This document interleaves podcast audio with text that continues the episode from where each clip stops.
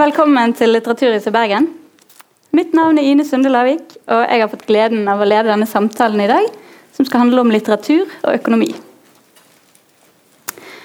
Ytterst her sitter Katrine Wellesen Løken, som i 2015 ble Norges yngste kvinnelige økonomiprofessor. Hun jobber ved Institutt for økonomi ved Universitetet i Bergen, og har markert seg som en fremtredende og produktiv forsker på familie- og arbeidsøkonomi. Jeg har også med meg Karine Nyborg, som er skjønnlitterær forfatter og professor i samfunnsøkonomi ved Universitetet i Oslo. Hun debuterte i 2010 med en novellesamling med den underfundige tittelen 'Ikke rart det kommer kråker', som ble nominert til både Ungdommens kritikerpris og Nordlys debutantpris. Hjertelig velkommen, begge to. Takk. Denne måneden kom Karine Nyborg med en ny bok som heter 'Balladen om den usynlige hånd'. Og Den er noe så uvanlig som en norsk novellesamling om økonomisk teori.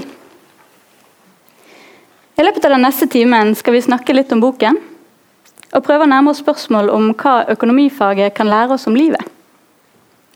Om når teorien kommer til kort, og om litteraturen kan bøte på, på teorien sin tilkortkommenhet. Vi er kanskje vant til å tenke at økonomisk teori er noe som foregår langt fra menneskenes dagligliv. Men Karine Nyborg bringer teorien inn i livet, og gjør den til noe som nettopp handler om hvordan vi prøver å leve livene våre.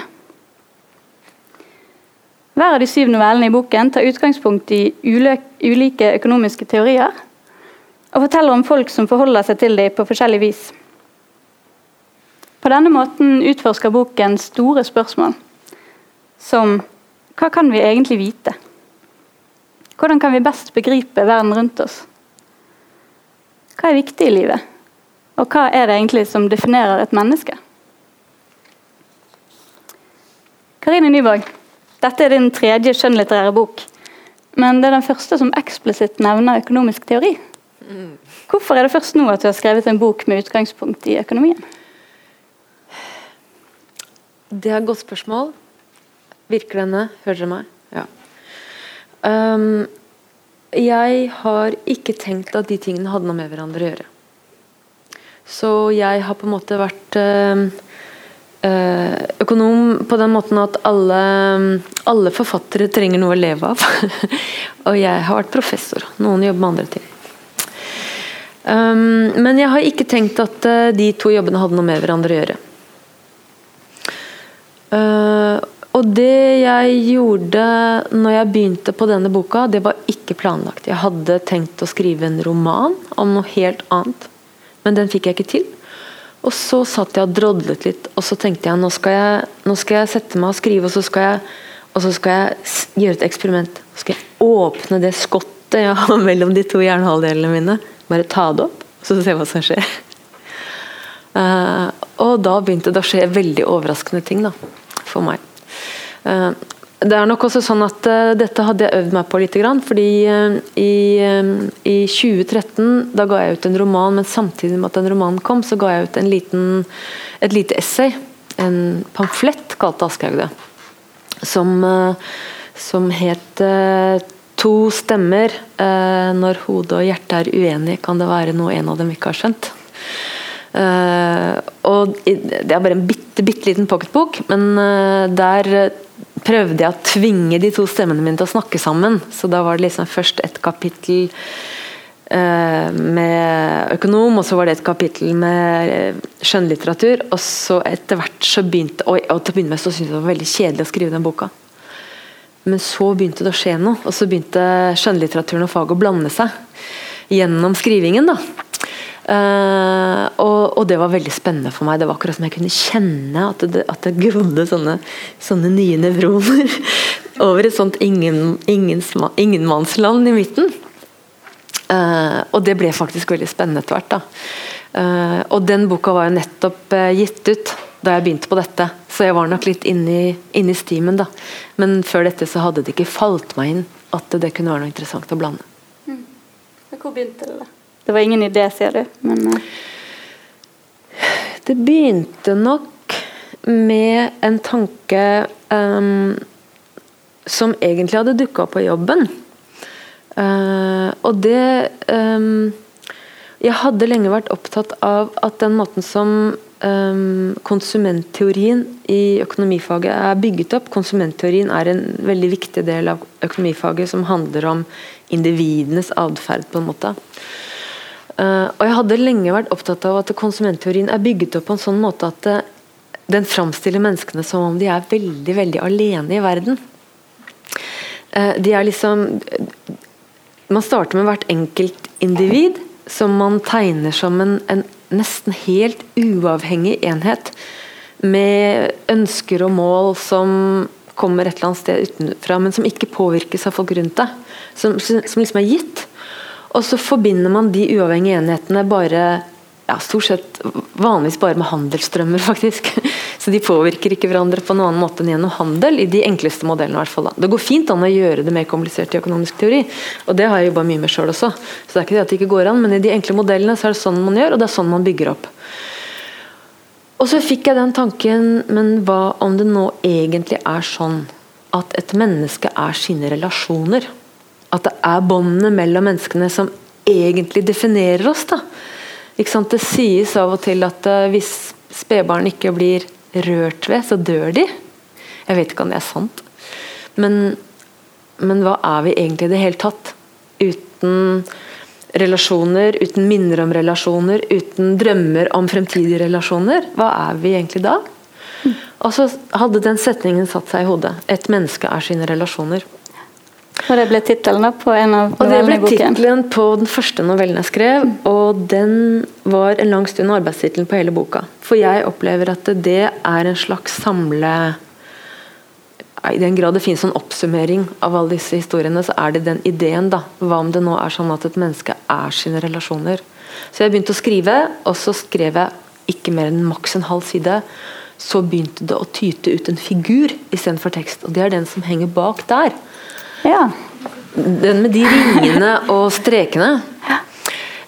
Så jeg ble sittende en hel dag og prøve å lage den figuren. For jeg, jeg satt tegna med musa i Word, og jeg visste ikke hvordan jeg skulle gjøre det. Og jeg prøvde å skrive tekst over og under, og så kom det oppå figuren, og det var, masse, ja, det var veldig vanskelig. Og så tenkte jeg nå har jeg endelig fri noen dager fra jobben for å sitte og skrive, og så skal jeg sitte og tegne figur. Hva er det jeg gjør? Men det måtte liksom, det måtte liksom med, da. Ja, så den historien, det er, den er en del tekst, og så er det figur etter figur. Og det mm. Sånn ble denne boka, da. Mm. For det er jo ganske Det er ikke så veldig normalt i norsk litteratur da, å ha sånne type tegninger, grafer. Disse tegningene som er her, også en del av det. Eh, kan du si litt om hvordan du har jobbet med illustrasjonene i boken? ja, det kan jeg godt. Um, de er laget på den måten som jeg sa nå, stort sett. Så, så jeg har sittet og, jeg har sittet og jobba i, i, Word, i en sånn tegnemodul i Word. Helt dønn standard sånn tekstbehandlingsprogram. Og så har jeg sittet med musa. Og så er f.eks. de to der de hører til den historien som heter 'Det konvekse hullet vil alltid eksistere'. Da har jeg sittet sånn med musa altså, tegnet store, svarte hull. Og så har jeg fått Word til å fylle ut med, med, med svart i midten. Det, det er bare sånn det har skjedd. Um, men det, det, måtte til, da. Så forlaget bestemte at det skulle være en profesjonell designer som skulle um, streite opp disse tegningene litt, for jeg er jo ingen kunstner. Det, altså, jeg, normalt så veksler jeg mellom høyre og venstre hånds mus for å ikke få vondt i armen. Og det hadde jeg helt glemt, så noen av tegningene tegner med venstre hånd. og Jeg er ikke skeivendt, så de ser forferdelig klønete ut. Så de skulle lage, få en designer til å freshe dem opp for meg, men hun endte opp med å la de være nesten akkurat sånn som de var.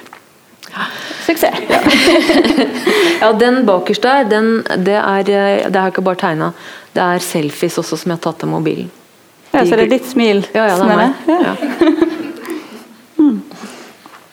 Jeg lurte på om du kunne lese litt for oss? Jeg. Ja. Fra den åpningsnovellen som du nettopp snakket om. Det kan jeg gjøre. Mm. Ja, da skal jeg lese litt eh, Jeg skal lese starten fra 'Det konvekse hullet vil alltid eksistere'. Uh, men ikke hele. Den er for lang. Gapet som av og til åpner seg i meg, er vanskelig å beskrive.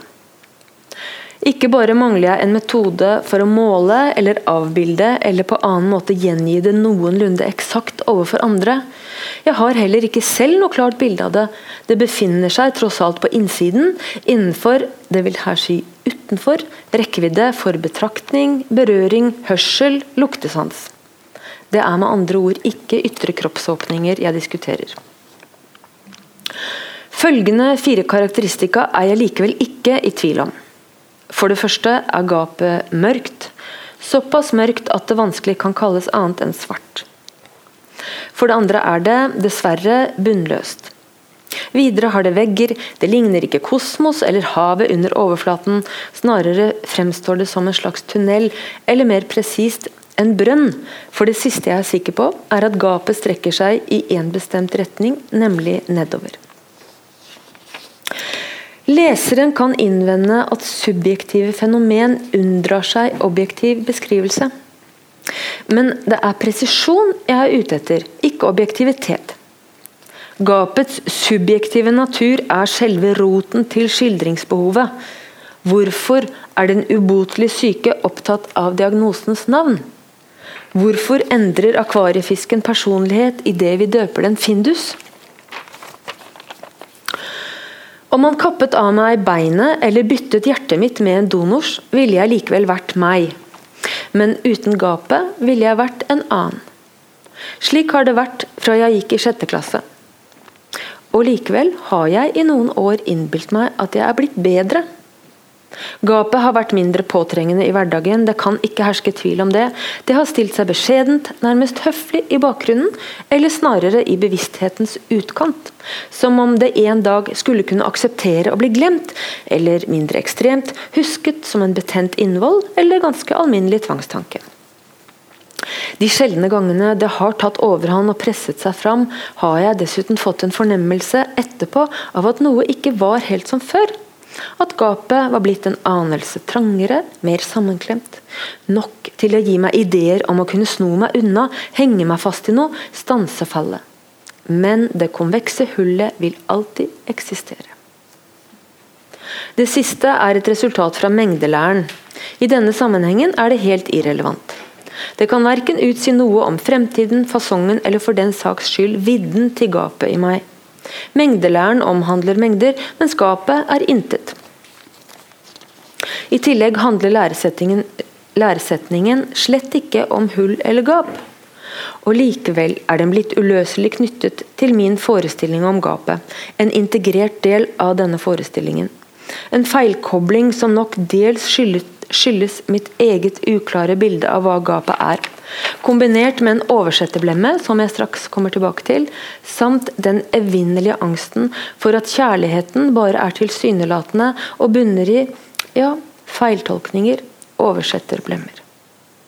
Der stopper jeg. Takk skal du ha.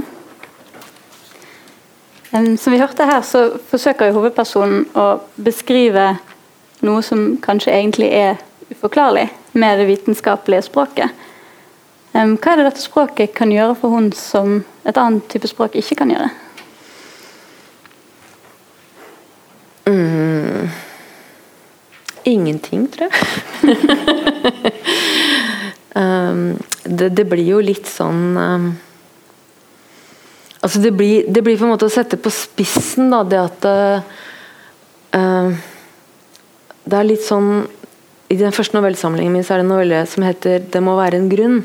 Og Det handler også om et stort sånn uhåndterlig mørke som ikke har noe navn, på en måte, som du ikke klarer å sette fingeren på. Hva er det egentlig? Og dette blir en annen måte å sette på spissen det at sånne indre gap, de, de lar seg ikke helt beskrive med ord, da. Um, men jeg syns likevel at når jeg brukte uh, disse ordene for å kretse rundt det, for det er det som skjer, du, du får jo ikke beskrevet det ordentlig.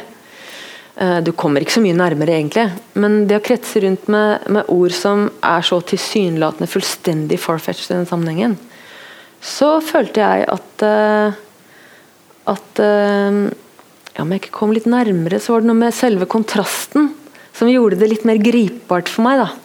Mm. Det er litt som Stephen Hawking han sier at uh, svarte hull de, eh, de, gløder. Og det er ikke fordi de egentlig gløder, det er ikke det at det kommer ut noe derfra, men det er, det er hva som skjer utafor som får den til å gløde. Uh, jeg tenker det kanskje er noe av det samme her. da, at uh, Du klarer jo ikke å gripe det svarte hullet med matematikk, med mengdelære. Det er jo absurd. Men, men, det er kanskje en annen måte å nærme seg det på som gjør at man likevel får kommet et lite hakk nærmere. da. Mm. For det ligger jo en form for desperasjon i det, tenker jeg. Mm. Ja. Ikke det? Mm. mm. Tror du at det at du er akademiker, påvirker det måten du skriver på? Det ble jo ganske tydelig kanskje i denne første novellen her. Men, ja. uh, jeg er ikke så sikker på at det, uh, at det, er så lett å se det i de forrige bøkene mine. Mm. Uh, bortsett fra at jeg skriver litt sånn kort og knapt, som er litt sånn økonommåte å skrive på. Eh, men, eh, men eh, men denne boka her er jo veldig preget av at jeg er akademiker. må jeg si at det, det betyr ikke at jeg skriver primært for akademikere. Altså. Mm. Jeg har tenkt at jeg har lyst til at denne boka skal um, den, den, den, jeg har ment den for mennesker som er glad i litteratur, noveller, uh, og, og, som kanskje er litt samfunnsinteresserte. Men jeg har ikke tenkt at den er spesielt for, eh, for økonomer. Mm. Uh, men det er klart at uh, det, det, er mye i denne boka her. Altså jeg leker, jeg leker mye med det akademiske språket. Så det er flere av novellene hvor ja, nettopp den kontrasten til det tørre akademiske språket og det, det bunnløse hullet under, da, er noe av det som jeg opplever skaper en slags spenning. Mm. Hva med deg, Katrine? Når du leser en sånn novelle som dette, er du påvirket av ditt yrke i lesningen? Det vil si, er du både økonomiprofessor og skjønnlitterær leser når du leser dette her? Eller kan du skille mellom de to måtene å tenke på? Eh, jeg er veldig glad i skjønnlitteratur mm. Eh, generelt, så det er helt klart. Og eh, jeg syns det var veldig interessant at, at jeg også kjente igjen økonomi og økonomiske språket og strukturer, og hvordan figurene Jeg har aldri sett figurer i, i skjønnlitterære bøker, i hvert fall ikke på denne måten. da og det å kunne illustrere eh, skjønnlitterære kanskje følelser og mer eh, alle sånne ting som vi aldri gjør i økonomiske modeller med figurer, syns jeg var kjempeinteressant. Mm. Mm. I begynnelsen så sa jeg noe om at eh, boken din bringer teorien og menneskene litt nærmere hverandre. Eh, men noen steder i boken så virker teorien å være nærmest uforenlig med det levde liv. Da tenker jeg f.eks. på den som heter 'Adam i det perfekte frikonkurransemarkedet'. Så jeg lurte på om vi kunne snakke litt om den. Ja. Eh, først, kan du forklare kort for eventuelle uinnvidde hva det perfekte frikonkurransemarkedet er? Mm. Så Før vi går dypt inn i den, så må jeg bare si advare. Altså, dette er den mest ekstreme av novellene når det gjelder å være økonomisk teoretisk. Uh, den går langt inn i økonomisk teori. Eh, forhåpentligvis på en forståelig måte, altså. Men de andre novellene er ikke sånn. Denne er, den er uh, ekstrem. Men det perfekte frikonkurransemarkedet, det er altså Sånn som jeg bruker det her, da, så er det den hypotetiske situasjonen som som vi som foreleser i økonomi trekker opp for studentene, nybegynnerstudentene våre når vi skal forklare dem hva markedssvikt er for noe. Hvorfor markedet ofte svikter. Og Da starter vi med en hypotetisk situasjon hvor markedet virker til alles beste. Uh, hvor handel ikke kan skade noen, men bare være til gavn. Og Hvis en handel ikke vil være til fordel for noen, så vil den ikke bli gjennomført. Så handel er bare bra i denne hypotetiske situasjonen. Alle økonomer vet at verden ikke er sånn. Så det er bare ment som et utgangspunkt for å diskutere hvorfor er det faktisk ofte sånn at markedet ikke virker til alles beste. Så, så det er ikke noe eh, det er ikke ment som et, som et bilde på den perfekte verden eller noe sånt. Eh, men det som har bekymret meg da, er at eh, som fagperson, er at um, um, hver gang vi skal lære studentene om en ny type markedssvikt, så starter vi med det samme utgangspunktet. Den ideelle verden hvor det ikke er noen problemer. Uh, så, så, studentene blir vant til å tenke på det som en, slags normalsituasjon. Ikke bare som et hypotetisk utgangspunkt som egentlig ikke fins. Uh, og kanskje særlig de studentene som aldri går videre som forskere, eller noe sånt, men som skal ut i verden og bruke dette, så, så blir det jeg er redd for at det er en fortelling som blir sittende igjen i hodene deres. om at Så lenge vi ikke vet om at det er en eller annen veldig alvorlig markedssvikt til stede i en eller annen praktisk situasjon som de skal ut og analysere, så kan de anta at verden er som det perfekte frikonkurransemarkedet. Og da tenkte jeg ok, hvordan ville det egentlig vært i det perfekte frikonkurransemarkedet? For det er en masse regler. da, ikke sant? Uh, disse tingene som gjør at markedene svikter, det er f.eks. Uh, eh, hvis man har det som kalles eksterne effekter, som betyr at uh, folk påvirker hverandre uten at det er som del av en handel. Eller at man har fellesgoder. altså uh, Frisk luft, f.eks. Goder som, som alle kan ta del i, og som ikke jeg altså Det ødelegger ikke for din bruk av frisk luft hvis jeg også bruker frisk luft. Um, og så er det sånn at um, alle har den samme informasjonen i den situasjonen, og det er en del sånne regler da, som må være oppfylt for at vi skal kunne være sikre på at handel bare er til gunst. da. Så jeg tenkte at ok, nå skal jeg lage en fiksjonell verden hvor alle de reglene gjelder konsekvent hele tiden. Og så skal jeg plassere en mann der, og han kaller jeg Adam det er litt, jeg er litt inspirert av Adam Smith. Da. Det er ikke ment som harselas med Adam Smith, for jeg har veldig stor respekt for Adam Smith. Men, men uh, ja. Han heter i hvert fall Adam. Det er også den første mannen. Uh, så han skulle leve en dag i det perfekte frikonkurransemarkedet, og så skulle jeg skrive noe veldig om det. Og det viste seg dessverre å ikke være mulig. uh, for jeg klarte ikke å hver, hver gang jeg skrev en setning, så tenkte jeg ok, er det lov her? Og svaret var nesten alltid nei. Det går ikke. Så jeg ble veldig veldig overraska. Jeg, jeg, jeg, hadde en mistanke på forhånd om at denne fiksjonen er eh, absurd, og kanskje til og med logisk inkonsistent. Uh, men jeg ble veldig veldig overraska over hvor absurd og hvor logisk inkonsistent det var. Sånn at uh, historien handler om et par, Adam og Susanne, som reiser på bryllupsreise til det perfekte frikonkurransemarkedet. Uh, og Derfor så kan jeg bruke science fiction-virkemiddelet. At det kommer noen inn til verden som ikke kjenner verden fra før. Som ikke som alle reglene kanskje ikke gjelder fullt ut for, da, for de er litt outsidere. Og de vet ikke, de skjønner ikke alt helt med en gang. I hvert fall ikke han. Hun gjør egentlig det. Uh, jeg skal ikke røpe grunnen til det her. Eh, men, eh, men, det var jeg nødt til. fordi at eh, ellers det var faktisk, altså I det perfekte frikonkurransemarkedet så fins ingen sånne ting som gjør en historie litterær interessant. Det er ingen kjærlighet, det er ingen altså Folk påvirker ikke hverandre. ikke sant? De, er, de lever isolert fra hverandre. Det er ingen hemmeligheter. Er, folk har ikke makt over hverandre. Det er, ja, så det gikk rett og slett ikke an å være helt konsekvent. Så jeg måtte jukse litt. da. Men, mm. men det er det som har vært formålet. Mm. Du sa jo litt at eh, utgangspunktet her var denne litt sånn virkelighetsfjerne modellen. Um, og det har jo i det siste vært en del diskusjoner om dette, bl.a. tatt opp av studenter i økonomi.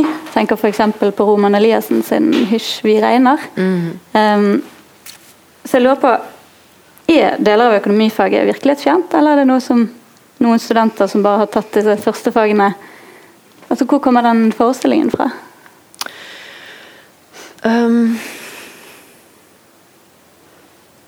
det er et vanskelig spørsmål å svare kort på, men um, det er viktig å skille mellom faget og undervisningen når det gjelder dette.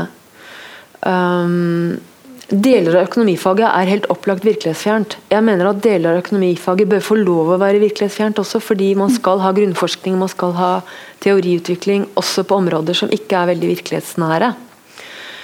Eh, men økonomifaget er veldig, veldig stort.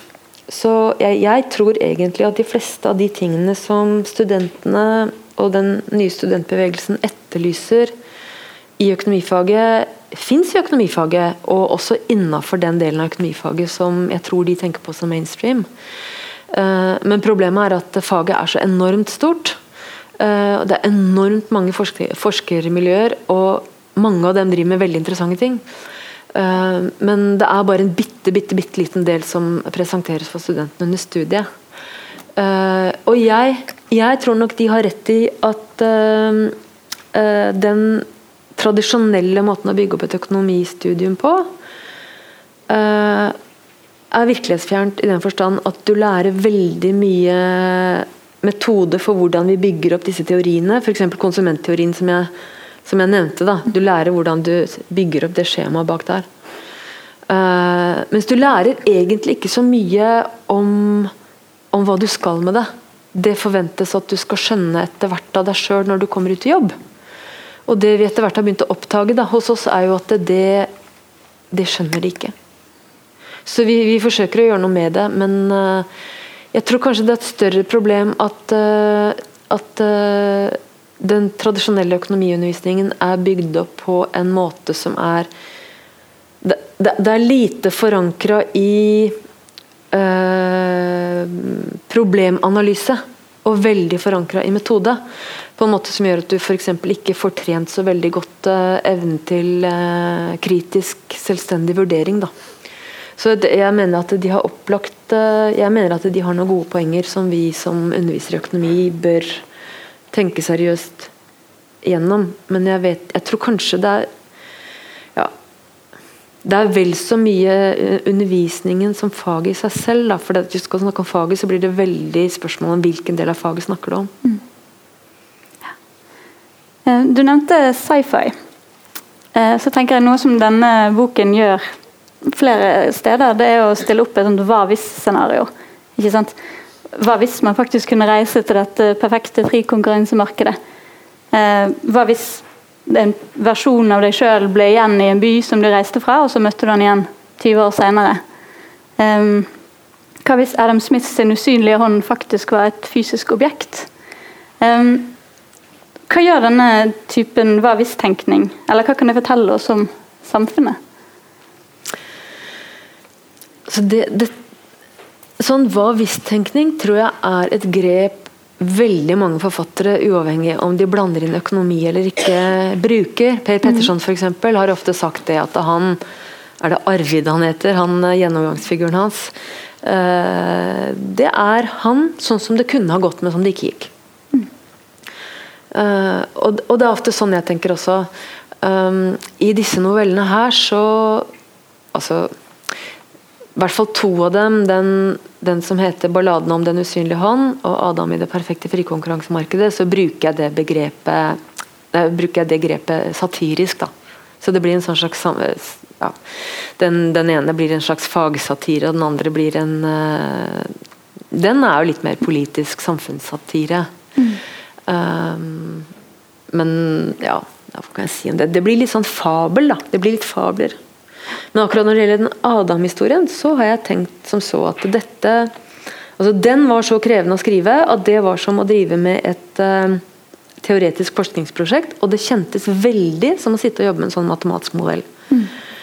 Uh, og det var like, minst like arbeidskrevende så jeg har tenkt at eh, så jeg driver nå, jeg har nettopp i dag fått en avtale med Norges Bank at jeg skal komme til dem og holde faglig presentasjon om Adam i det perfekte frikonkurransemarkedet. Så jeg har begynt å lage en faglig presentasjon basert på den novellen. Og jeg tenker på, jeg tenker på dette som antagelig verdens første mm, forsøk på å bruke en helt ny metode i økonomisk teori. For å gjøre det faget litt mer pluralistisk, nemlig Uh, ikke bare feltstudier, men fiksjonelle feltstudier. Spennende, altså. jeg syns det, det, var veldig lærerikt for meg. Mm. Uh, vi snakker om fantasi. Er det noe som er viktig i økonomifaget? Uh, hvis jeg skal svare på det, så tror jeg egentlig ofte ikke. Mm. Jeg tror det er viktig Eller ikke fantasi, i hvert fall. Det, det kan, kan, hvor det eventuelt kommer inn i forskning, hvis jeg tenkte på det. Må være inne i idéfaser og sånn, hvor man kan liksom myldre rundt hva, hva, hva, er det, hva, er interessante forskningsspørsmål? og Da tror jeg fantasi kan komme litt inn. Da, at man kan ha ideer, hypoteser og ideer rundt hva som finner. Men så føler jeg ofte at det ikke kanskje, i hvert fall For min del så er det veldig lite fantasi. Da. Og på, mm. på godt òg, kanskje, da, for vi skal jo helst ikke finne opp. Eh, sånn. det skal være en viss basis i virkeligheten. Burde, burde det, da, syns jeg. Men, eh, men, det kan hende du har en annen eh, ja, ja, ja, jeg, ble litt overraska over at du svarte sånn. men jeg, jeg, ser jo poenget ditt. Altså. Det er mye sånn uh, grinding, uh, mye derivering og For deg som jobber med data, så blir det jo veldig mye sånn pusling. Uh, men, men, jeg tenker at det er viktig å ha fantasi også når du skal altså Særlig for å finne de gode ideene. Men også når du skal jobbe med økonomisk teori, så må du jo ha god fantasi. Eller altså, jeg tenker at det, det Økonomisk teori er på en måte en, en, kunst, fordi det dreier seg hele tiden om å forenkle. ikke sant?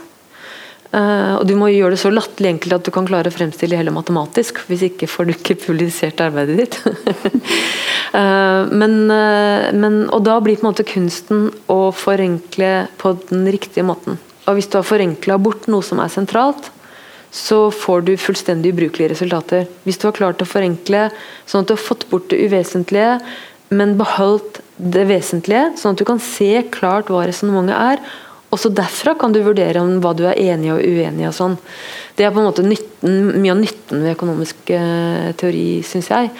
Og da tenker jeg at det, det, er en kunst som også krever fantasi. da. Eh, å skjønne hva er det som egentlig er viktig her. F.eks. å F.eks.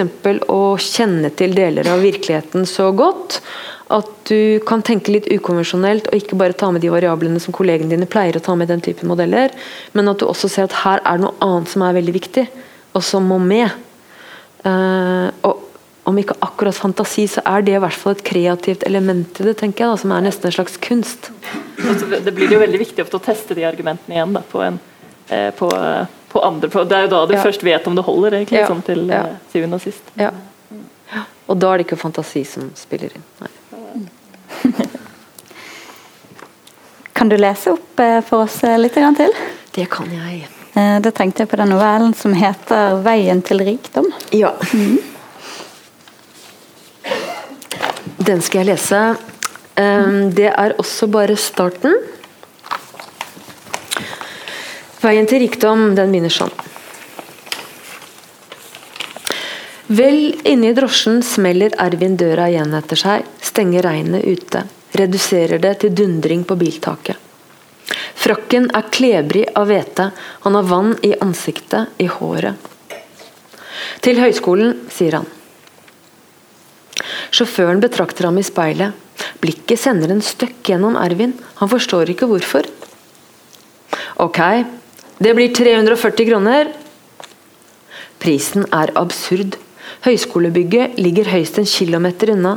Ervin ville spasert om det ikke var for været. Ennå er det en halv time til foredraget hans starter. Han ser ut av vinduet. Vann spruter fra brosteinene, fosser langs fortauskanten. Ja vel. Det spiller ingen rolle, tenker han. Jeg gjør det på den vanlige måten uansett. Det var 340, gjentar sjåføren. Ervin stusser. Hva mener du? Skal du ha betalt i forkant? Mannen er blek, fregnet, tynnhåret på Ervins egen alder. Selv bakfra virker han urovekkende kjent. Ervin har ikke vært i byen på 30 år, likevel kjennes minnet ferskt, som om de nettopp spiste frokost sammen. Selvfølgelig skal jeg det. Tror du jeg vil kjøre deg dit du skal, så du kan stikke av før du har gjort opp? Det prikker i Ervins hodebunn. Det må være en tilfeldighet, Ingen husker en passasjer i 30 år. Jeg betaler når vi er framme, sier han rolig. Det er en tilfeldighet. Han tok aldri drosje i denne byen. Det var her han jobbet som taxisjåfør selv. Beklager, betalingen først. Mannen i forsetet vender seg mot ham. Ervins tanker stanser, fryser fast. Mannen er prikk lik ham, som å se seg i speilet. Sjåføren snur seg forover igjen, hendene på rattet, ansiktet mot rådhuset tvers over plassen. Eller vil du heller gå? Bilen står, motoren går på tomgang. Ute styrtregner det. Folk løper og snubler, klemmer seg sammen under utspring, leskur, trær. Ervin lener seg bakover, legger dokumentmappen fra seg i setet, vurderer situasjonen. Ikke bare skal høyskolens rektor introdusere foredraget, 'Tillit din vei til rikdom'. Arrangørene har også på Ervins forslag invitert lokale investorer og bankfolk til mottagelse etterpå. Nei takk, sier han.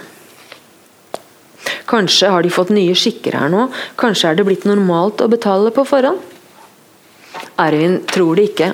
Han kan knepene, vet hvor lett man gjenkjenner tilreisende, folk som neppe skjønner systemet. De mest attraktive kom rett fra flyplassen, husker han, hadde ikke engang lært seg vekslingskursene, som japaneren han loppet for en månedslønn og deretter kastet ut i mørket ved lageret på kaia. Jeg betaler når tjenesten er utført, sier han kort. Takk skal du ha.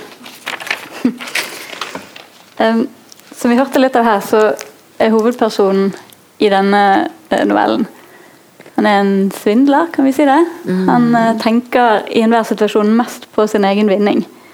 Um, og Det som jeg syns var mest ubehagelig med å lese dette, her, det var at på et eller annet vis så er det jo også rasjonelt. Hvis du skal tenke ut ifra, hvis man tenker at han er et økonomisk rasjonelt menneske, så handler han jo på sett og vis riktig. Um, har du mitt spørsmål er det plass til overveielser av ondt og godt innenfor økonomifaget? Eller er det sånn at vi trenger filosofi og litteratur og sånne ting eh, for å få med det moralske aspektet ved menneskelivet? Det er store spørsmål, men eh, Katrine, har du noe å si til det, eller? Eh, ja, jeg tror litt. Grann. Jeg tror det meste av sånn økonomisk teori eh, så er det om å gjøre å kanskje finne det Du har mange alternativer, og så finner du den beste løsningen, og så har du egentlig ikke moral inne i bildet. Men, eh, men, samtidig så, du, eh, så kan du Hvor liksom valg og moral kommer inn, kommer f.eks. inn i Du kan velge en sånn velferdsfunksjon, en, en, en, funksjon som skal beskrive hva, hvilket valg du faktisk skal ta blant alle de settene av valgene du har sett på. Det ble, ble litt teknisk. Men, eh, og Da er det du kan eh, begynne å få disse spørsmålene inn. Så Du kan f.eks. legge mer vekt på de fattige i samfunnet, og derfor velger du en annen Eh, et annet valg eller et annet likevekt eller mer vekt på noe. Så, så det faktisk er moral ganske stor del av økonomi, eh, økonomifaget. Ja, det, um, dette, dette, er spørsmål som jeg jobba veldig mye med sjøl, eh, faglig. Uh, og, og, det er nok sånn at uh, etikk og moral har i, altså, Det har alltid vært en del økonomer som har jobba med det. Men uh, i veldig mye av økonomisk analyse så, så, blir det litt feid under teppet på den måten at man altså det, det, er litt langs den tankegangen som, som kalles for trickle down economics. Du, du, du, prøver å finne en løsning som, som hvis man omfordelte etter at et eller annet tiltak har trådt i kraft så hvis, hvis, hvis du fikk økt produksjon i samfunnet pga. Uh, et eller annet tiltak, da, så kunne, så kunne man jo potensielt dele de gevinstene mellom alle. Og det økonomer ofte gjør, da, at vi toer våre hender og så sier vi at uh, vi prøver å peke på de mulighetene for å øke kaka, og så hvordan det skal fordeles. Det blir et politisk valg som, som vi kan påpeke på en måte konsekvenser av, og sånn, men, som, men politiske valg har ikke vi så mye å si om. Så, så det, det, er en veldig vanlig tilnærming, i hvert fall. da. Um, uh, Kanskje det har endra seg litt? Men det, det har nok endra seg litt, og særlig nå etter finanskrisa. For nå har, har, man jo begynt å se at, uh, at den omfordelingen skjer ofte ikke.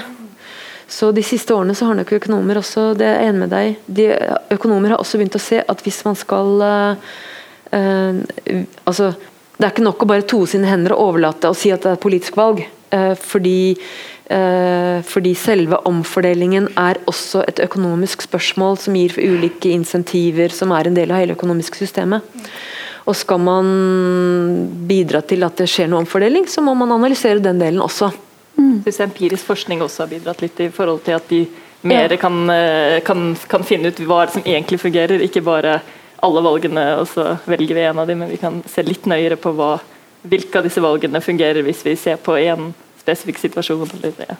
Mm. Eh, ja. Og det har jo blitt en veldig mye større del av økonomien ja. de siste, bare de siste 20 årene. Ja. Syns du at politikerne hører på det dere sier? Eh, jeg syns de hører på det, og så syns jeg ikke de alltid følger.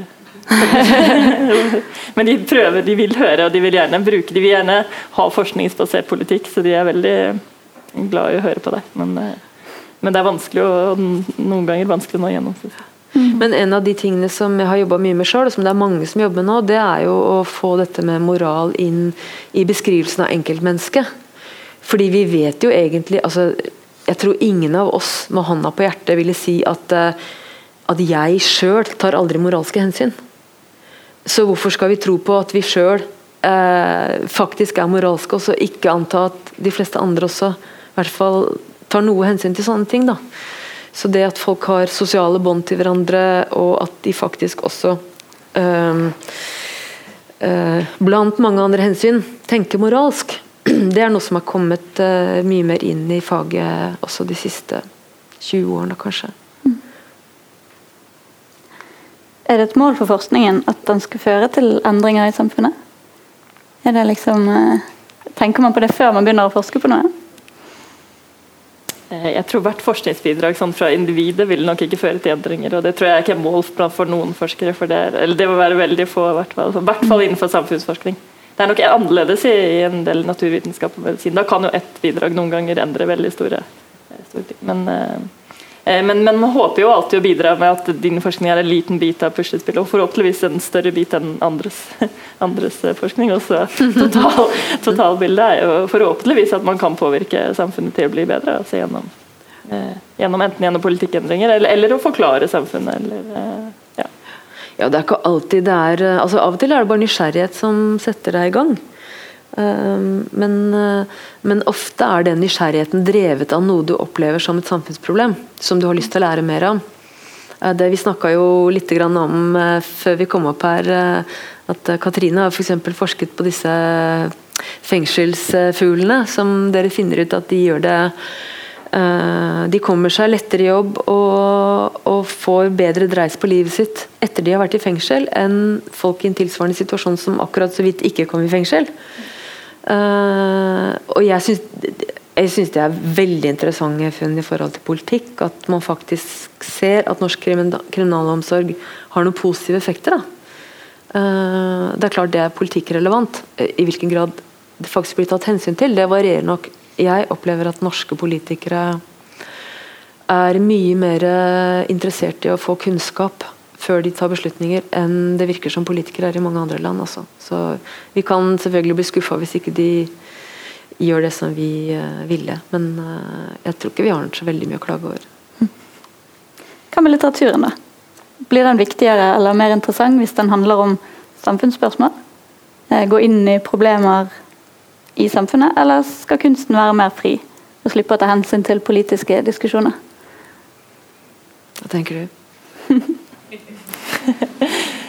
Eh, jeg syns ofte det er veldig interessant hvis skjønnlitteratur bringer inn samfunnsspørsmål. Jeg tror De mm. gjør det jo veldig mye. Du, du har jo gått langt på ved å bringe inn økonomisk teori som ikke jeg har sett før, men du ser jo veldig mange bøker som handler om samfunnsspørsmål og viktige eh, politiske endringer, ting som skjer i samfunnet. og Jeg syns det er kjempespennende. Mm. Jeg har ikke så veldig mye dypt å komme med der. Men, mm. jeg, jeg, tenker at uh, det, jeg vet ikke om noen ting som ikke som ikke kan egne seg for skjønnlitterær behandling. Jeg tenker at uh, alle sider ved livet kan tenkes og belyses på en interessant måte av skjønnlitteratur. Og For en som er samfunnsinteressert, så er det klart at det gir et ekstra, uh, et ekstra en ekstra glede eller et ekstra aspekt ved en bok, hvis, den, hvis du også kan lære noe om samfunnet ved å lese den. Mm. På samme måte som hvis den handler om noe helt annet, så kan du Hvis det er noe du er opptatt av, så, du, så blir det et ekstra aspekt. Så jeg tenker at uh, altså, Tidligere har ikke jeg funnet det interessant å skrive om økonomifag, og i hvert fall ikke om økonomisk teori. Men, så, men, det var akkurat det jeg tenkte. at er, det, er, er, dette en sånn ting som ikke egner seg for skjønnlitterær behandling? Hvorfor skulle det finnes noe som ikke egner seg for skjønnlitterær behandling? Og så tenkte jeg det prøver jeg, og det syns jeg var gøy. Uh, så jeg vet ikke om det er noe bedre eller verre enn andre ting. Men uh, skjønnlitteratur er en en fantastisk måte å jeg liksom gå rundt en ting med en lykt og se fra en helt annen side. Mm. Nesten uansett hva den tingen er, da. Tenker jeg. Mm. Jeg er litt tilbake til forskningen. Finnes det temaer som man ikke bør forske på?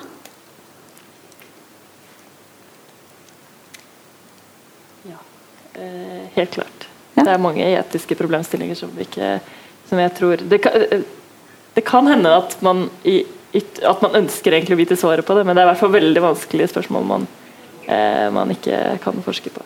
Mm. Eh, spesielt eh, gjelder dette innenfor sånn man kan ikke er, I samfunnsforskning, jeg tar et eksempel fra samfunnsforskning, så er det veldig vanskelig å gi eh, eh og for eksempel, si at Tilbake til fengsel, for eksempel, at vi hadde veldig lyst til å vite om en behandling fungerer for de innsatte. Eh, og så skal vi gi de et, sånn, Vi tror dette programmet virker, og så gir vi det bare til halve populasjonen og ikke den andre, fordi vi ønsker å finne effekten av det.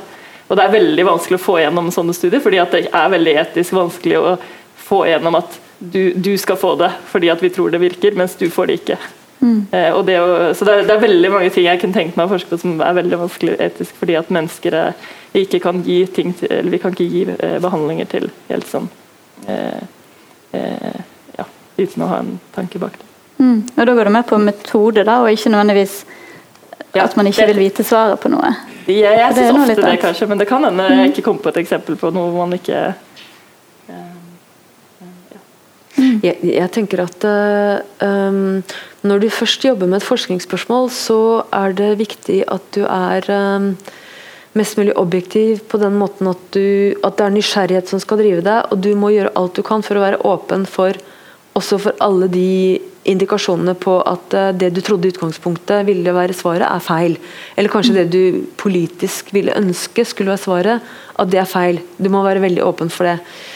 Uh, og være mest mulig objektiv i, i metodebruken din da, og tolkningen av resultater og sånn. Men jeg tenker at det er ett punkt hvor det er helt umulig å være helt objektiv, og det er i valget av forskningsspørsmål. Uh, og hva jeg syns er viktige forskningsspørsmål, vil være farga av mine etiske holdninger og mine politiske holdninger.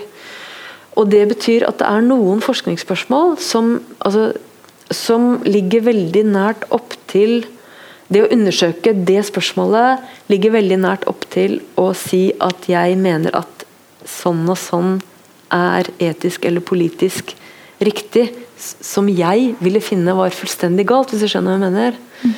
Så, så, valg av forskningsspørsmål kan av og til være en slags statement. Så må du være forberedt når du går inn og forsker, at svarene du får, eh, motbeviser statementen din. Men jeg kan forestille meg noen ting som jeg, ville, som jeg ville finne det etisk uakseptabelt å forske på for, et, for bare det å stille spørsmålet eh, kan være respektløs overfor enkeltmennesker, f.eks. Mm. Ville det være lettere å behandle i skjønnlitteraturen? Ja, det kan nok hende. Mm. Um, jeg tenkte vi skulle snakke litt om formidling. Um, du sa i sted at uh, du ikke ser denne boken som primært for økonomer. Mm. Um, har du tenkt noe på, er, det en måte å formidle økonomi på til folk utenfor fagmiljøet? Har det vært liksom et mål med å skrive det? Nei. nei, det er ikke det, altså. Um, nei disse historiene har eh, de, de, har ikke hatt noen misjon. De har, de har altså For meg så har det vært litt sånn Jeg har jeg begynte å tenke med den figuren der og hadde noen tanker i hodet som begynte å utvikle seg og ble til noen veldig rare tekster. Og så, og så så jeg på den første teksten jeg hadde skrevet, og så tenkte jeg hva er dette? Det ligner ikke på skjønnlitteratur, ligner ikke på faglitteratur heller, men det interesserer meg. Så det var litt som å stå eh, på stranda og se vannet, ikke sant? og så speiler himmelen seg i vannet, og så kan du ikke se hva som er under. Men så er du nysgjerrig. Så jeg var rett og slett bare nysgjerrig. Altså jeg, jeg, følte liksom at nå tar jeg på meg uh, dykkerbriller og snorkel, og, og, så stuper jeg ut og så svømmer jeg rundt og ser litt, liksom. Mm. Og så har jeg skrevet og tegnet mens jeg har svømt. Så jeg hadde ikke noe Jeg hadde ikke noen uh, noe noe plan om at jeg skulle misjonere for noe, eller undervise noen, eller uh, kritisere faget mitt en gang. Det var, uh, det var mer som jeg tenkte nå, nå blander jeg litt her, og så, og så ser jeg hva som skjer. Poff! uh, og, så, og, så, har jeg opplevd når jeg har vist resultatet til folk jeg kjenner, at de syns det er morsomt å lese. Da. Og det har vært vel så mye ikke-økonomer som økonomer som syns dette er morsomt å lese. Og jeg opplever at de syns litt, litt forskjellige ting er morsomme. Så, men jeg har virkelig forsøkt uh, hardt at dette skal egne seg for både folk som kan økonomi og folk som ikke kan økonomi. Det er ikke, det er ikke retta inn mer mot verken den ene eller andre gruppa, egentlig. Mm. Um, sånne bøker som denne her, eh, tenker du at det kan være med å eh, dekke over et gap i, i uh, måten fagmiljøet snakker på? Um, altså gap mellom fagmiljøet og folk flest. Uh, kan det være en, en, form for formidling i det? At, at folk som meg, som ikke har spesielt mye innsikt i økonomisk teori, at jeg føler jo at jeg forstår en del av disse teoriene litt bedre etter å ha lest boken din. Jeg håper iallfall jeg gjør det. jeg syns det var en kjempeinteressant måte å tenke på formidling. Jeg har mm. aldri eh, eh, tenkt på at det går an å formidle i skjønnlitterær form. Det er alltid liksom sånn media er liksom eh, avis, TV og radio. Og det tror jeg det er. det er liksom, og kanskje til politikere. Det er liksom den fjerde sånn, formidlingskanalen jeg tenker på. Eh, mens skjønnlitteratur er liksom en ja. Så jeg, vet, jeg tror ikke jeg kommer til å, å gjøre det bare fordi jeg tror ikke jeg har, har, har um, kapasitet eller kunst, uh, kvalitet til å gjøre det. Men det er en veldig interessant uh, måte å tenke på det på. Eh, og jeg, når jeg leste så tenkte jeg også at dette burde de fleste kunne lese. At det ikke var Du beskriver Det var enkelt å følge, og det var, jeg tror ikke du må kunne økonomi for å, for å lese de fleste av de i hvert fall. Men når du først spør, altså, så, så, så tro, så tror jeg egentlig at et par av historiene, den Adam i det perfekte frikonkurransemarkedet, og så er det en annen som heter De elskende fangenes dilemma, mm. Jeg tror begge de to hadde vært bra pensumlitteratur på grunnkurs i økonomi. ja, Hva hadde man fått frem da, tror du? Hva, hva? hva, hadde man fått frem ved å bruke noe sånt, og ikke bare um, vanlig pensum? Nei, det, Den der Adam-historien, den altså i den grad du i, i, den grad den, i, i, den grad økonomer kan lære noe av den, så er det jo å å, å bli minnet på om at denne, denne perfekte markedssituasjonen, den er den er kun en målestokk som vi bruker for å forklare et poeng. Nemlig hva markedssvikt er for noe, hvorfor det er viktig. Det er ingen normalsituasjon. Det er ingen forenkling av normalsituasjon. Det ligner ikke på noe du kjenner. Mm. Det ligner virkelig ikke overhodet på noe du kjenner. Uh, og ikke noe som ville være mulig med de uh, naturlovene som vi har i vår verden. Uh, og jeg tror det vil være en nyttig påminnelse for de økonomene som går ut i verden og som jeg snakket litt om i stad, bærer med seg et inntrykk av at dette egentlig er normalsituasjonen. For, for, det er noe som kan påvirke politikk på den måten at du, ja, du kan f.eks. Uh, få mer liberalistiske holdninger enn du egentlig har faglig dekning for, og tro at du har faglig dekning for det. Fordi så lenge du ikke så lenge ikke disse markedssviktene slår deg i øynene, så tror du at de ikke er der. Uh, det, det, historien illustrerer f.eks. at menneskelig interaksjon i seg selv er proppfull av det vi ville kalle markedssvikt, i den grad at vi ville savne det forferdelig hvis vi ikke hadde markedssvikt. um, og Hvis du skal anvende teorien på et marked som arbeidsmarkedet, da, hvor det er mennesker som er varene, så det er klart at vi har interaksjon hele tiden med kunder, med kolleger, med sjefer. Det er makt, det er hemmeligheter, det er vi påvirker hverandre, vi gjør noe til felles beste de tingene er veldig sterkt til stede i markeder som økonomer bruker teoriene sine på. Mm. Så den påminnelsen tenker jeg kan, kunne vært sunt for uh, økonomistudenter. Mm. Litt, litt, lignende med den spillteorihistorien som jeg nevnte. Den, uh, den, er en slags påminnelse om at uh, spillteori, logisk tenkning, veldig bra, men alle resultatene du får, avhenger av hva du egentlig antar at folk vil med livene sine. Mm. Kunne du tenke deg å begynne å bruke skjønnlitteratur i, i, på forelesningene dine?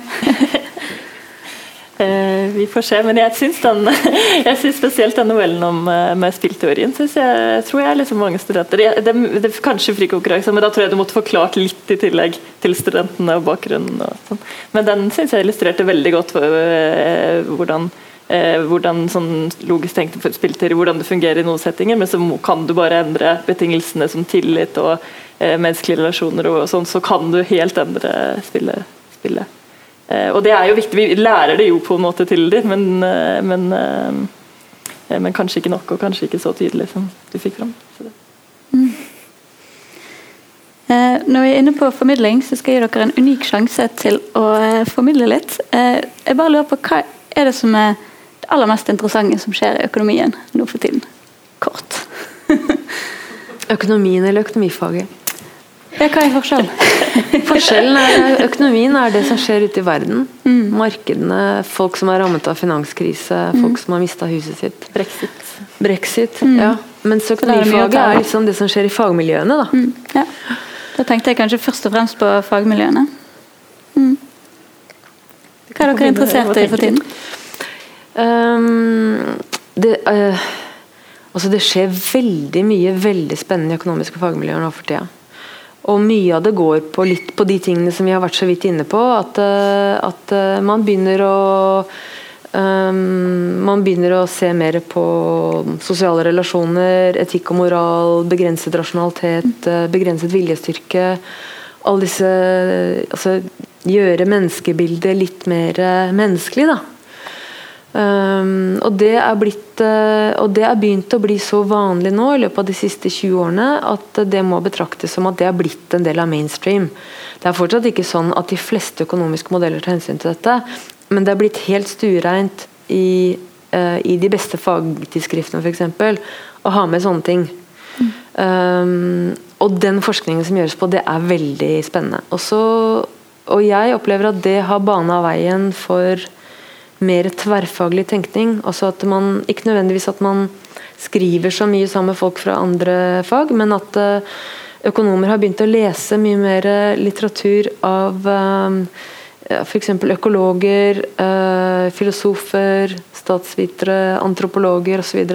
På instituttet mitt for eksempel, så har vi nå inne søknad til et svært nytt forskningsprosjekt som vi skal gjøre sammen med Antropologisk institutt. og hvor Formålet er nettopp å lære å snakke sammen og forsøke å, dette er om å forsøke å se på miljøproblemer da, sammen. Fordi vi liksom kjenner til helt hver vår del av problemet. Uh, og disse tingene syns jeg er uh, kjempespennende og gleder meg til å jobbe med. Eh, helt enig. og legge til også at det har vært en sånn, jeg nevnte også det at det har vært en sånn empirisk revolusjon i økonomi som jeg synes er mm. kjempeinteressant, og som fortsetter mer og mer. og En av tingene som eh, som eh, skjer nå egentlig alle, mer og mer i alle land, er at de begynner å få tilgang til bedre og bedre data og større og større datasett. Eh, de, de, sånn illustrert på det er liksom bare tenk på Google og Facebook nå med uendelig data som vi kan få bruke til å se på, til å, til å prøve å teste teorier og til å prøve å teste eh, effekter og problemstillinger. Og, eh, så det er veldig mye som skjer i, i, på dette også i økonomifag. Mm. Skulle gjerne snakket med dere i timevis til, men tiden begynner å renne ut her. altså.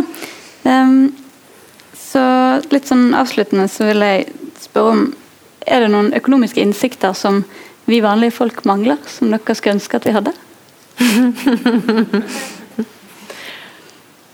Å oh, gud, det var et vanskelig spørsmål. um, jeg kunne tenkt meg at alle var veldig trent i kausalitetstanken. Rett og slett. Det der å alltid tenke på at eh, en, en effekt av en ting er alt annet er konstant. Hva er en effekt, og hvordan fungerer liksom. Ja. Eh, og er, De fleste skjønner det hvis man beskriver det enkelt. Gitt alt annet konstant, hva er da effekten av å være i fengsel? Det er veldig enkelt, mm. men du, med en gang du får litt mer komplekse problemstillinger, også, så, så faller, veldig, faller, man veldig fort av. Og Det er rett og slett treningen man trenger, og det, og det, det er nesten umulig å gi folk uten å ta faget eller ta liksom, kurset. Da, men, ja. mm. men, det var en litt smalere kanskje ønske. ja, det, jeg det var et godt poeng. Jeg tror det er mange ting jeg skulle ønske folk kunne, men eh, det, det, det kommer liksom ikke noen ideer til meg når du spør. Jeg tror det er litt fordi at eh, jeg har Jeg, jeg, jeg elsker å snu ting rundt, da. Uh, og det er nok kanskje noen av mine kolleger som jobber med å finne ut ting som de skal forklare folk, så folk kan lære noe av, også økonomer. Men jeg har faktisk brukt en ganske stor del av min økonomkarriere på å ta for meg ting som er sånne ting som alle vet, men som ikke har fått plass i de økonomiske modellene. Og så oversette de fra sånn allmennkunnskap til økonomkunnskap. Så jeg tenker på meg selv som en litt sånn translatør, men ikke nødvendigvis den veien du sa. Mm. Jeg jobber vel så mye den andre veien, jeg. Nettopp. Ja. Så da har vi én hjemmelekse til økonomer her, og én til oss vanlige folk, så vi kan avslutte kvelden med. Eh, jeg vil si tusen takk for at dere kom, og tusen takk til publikum.